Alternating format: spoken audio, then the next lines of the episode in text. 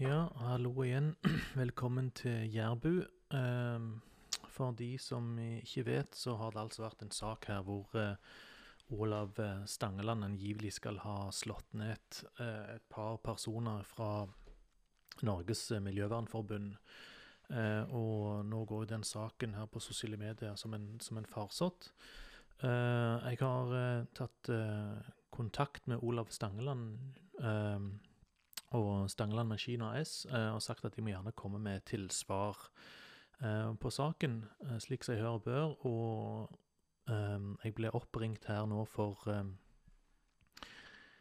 ikke mange minutter siden av Olav. Jeg hadde en veldig kort prat hvor han òg ønsket å komme med en, en uttalelse. Så den skal jeg lese nå.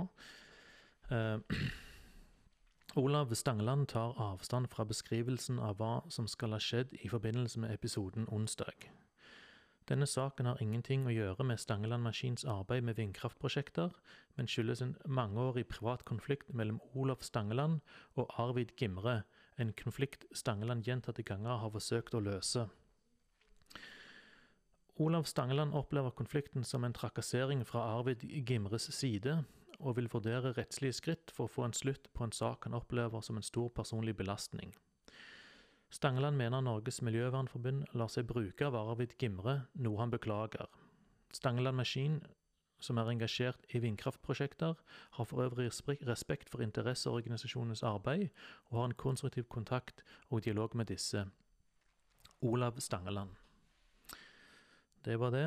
Eh, Vi ser hvordan dette utvikler seg. Ha en fin dag her fra Jærbu.